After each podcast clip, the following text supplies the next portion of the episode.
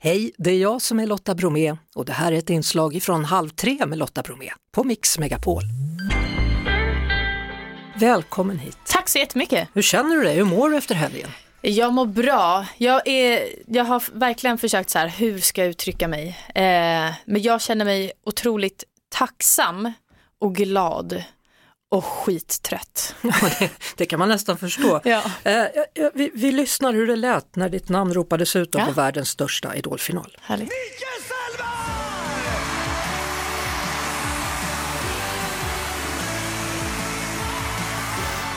Ja, Ja. trött kan man säga. Ja, vad var känslan där i, i det ögonblicket när Per säger ditt namn? Oj, det var lite svårt att beskriva. Jag, man ser att jag som rycker till lite för jag så spänner till. För eh, det var som en overklig känsla av eh, Oj, vad fan händer? Ursäkta, men vad händer nu egentligen? Jag vet inte och jag är en sån här person som är så här, jag är i stunden verkligen. Och sen direkt när, det, när jag vet att okej nu händer det någonting som gör att min framtid förändras, då börjar jag bli där borta. Oj. Så då har jag nästan glömt bort att jag precis har vunnit. Men, men kan man kalla det för, för liksom en, en tidig julklapp eller hur känns det? Ja men verkligen. Ja, gud ja. Ja, jag läste Alltså, någonstans att, att, att tyckte att nu får jag en extra skjuts in i den här Ja. karriären, i det jag verkligen vill jobba med. Ja, verkligen. Och det, det känns ju verkligen som att eh, av jag är ganska tydlig i mitt artisteri och jag är ganska tydlig i vad jag vill hålla på med. Vilket också gör att jag tror att jag kan ta nytta av den här dealen som jag då har blivit given. Vilket känns jättekul bara. Eh, jag ser möjligheter och jag, ja, Mm. jag vill bara köra på liksom. Hur, hur funkar det när man har en medtävlare? För jag har lagt märke Mm. till under säsongen att du och Albin ni har varit väldigt nära varandra har det sett Ja. ut som. Verkligen. Alltså, jag har ju till och med coachat honom under alltså, den här säsongen i sång och lite sånt där. Vi har pratat väldigt mycket om artisteri. Eh, och eh, det är ju lite så vi kom nära varandra också till en början. Eh, och jag, är, alltså, jag var så tacksam att få göra det tillsammans med honom. Varför? Alltså han är en fantastisk människa. Han, är, han och jag är ganska lika varandra och det är det vi har liksom insett på vägen. Att vi har lite samma, vi har samma intressen, vi har, jag skulle inte vilja påstå att vi kanske har samma humor, men det går väldigt lätt att bara umgås och det är skönt att vara med någon i ett sånt här sammanhang där man känner att man känner sig lite hemma med någon. Mm. Vilka intressen? För jag, vet, Alltså, jag har vi- inte koll på det. Vad Nej, vi- Jag vet bara att ni sjunger. Ja precis, vi sjunger och sen så vi gillar att spela pingis och lite biljard och han har lärt mig att lösa Rubiks kub vilket är något som jag har drömt om att kunna i hela mitt liv så nu kan jag göra det. Så det är så här, lite sådana saker. Vi är lite så här springa ut i skogen och leta pinnar kompisar och det är det som känns lite kul. Tror du att ni kommer fortsätta hålla kontakten? Ja eller? det gör vi. Nu Aha. också. det bara är så? Ja det bara är så. Ja. Övriga då? Hur nära kommer man folk egentligen? Alla säger ju att man kommer så nära varandra. Ja, och det gör man ju. Alltså verkligen. Alla vi topp 11 har ju varit ett helt fantastiskt gäng. Alltså vilka fina människor jag har träffat. Eh, och även alltså en till person som jag verkligen har kommit nära, det är Klara. Hon är verkligen den här förlorade lilla systern som jag aldrig har haft, som jag bara vill ha alltid vid mig. Så det är också jättehärligt. Så Albin är mer en kompis, hon är en lilla syster.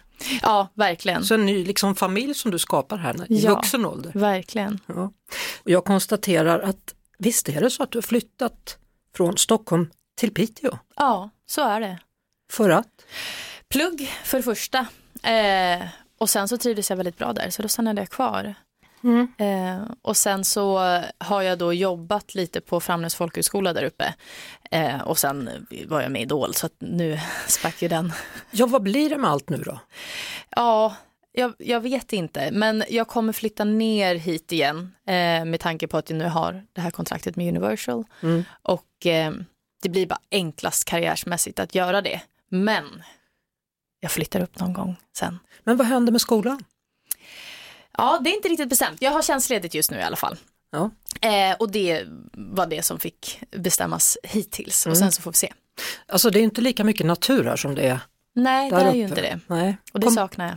Ja, hur har du tänkt lösa det? Ska du gå till naturreservaten runt kring Nej, men- Stockholm? För det finns ju natur här, bara man Ja. letar upp den. Gud ja. Eh, nej men jag har tänkt att om jag flyttar hit så skulle jag vilja flytta kanske till Vallentuna. Alltså någonstans där det finns lite åkrar.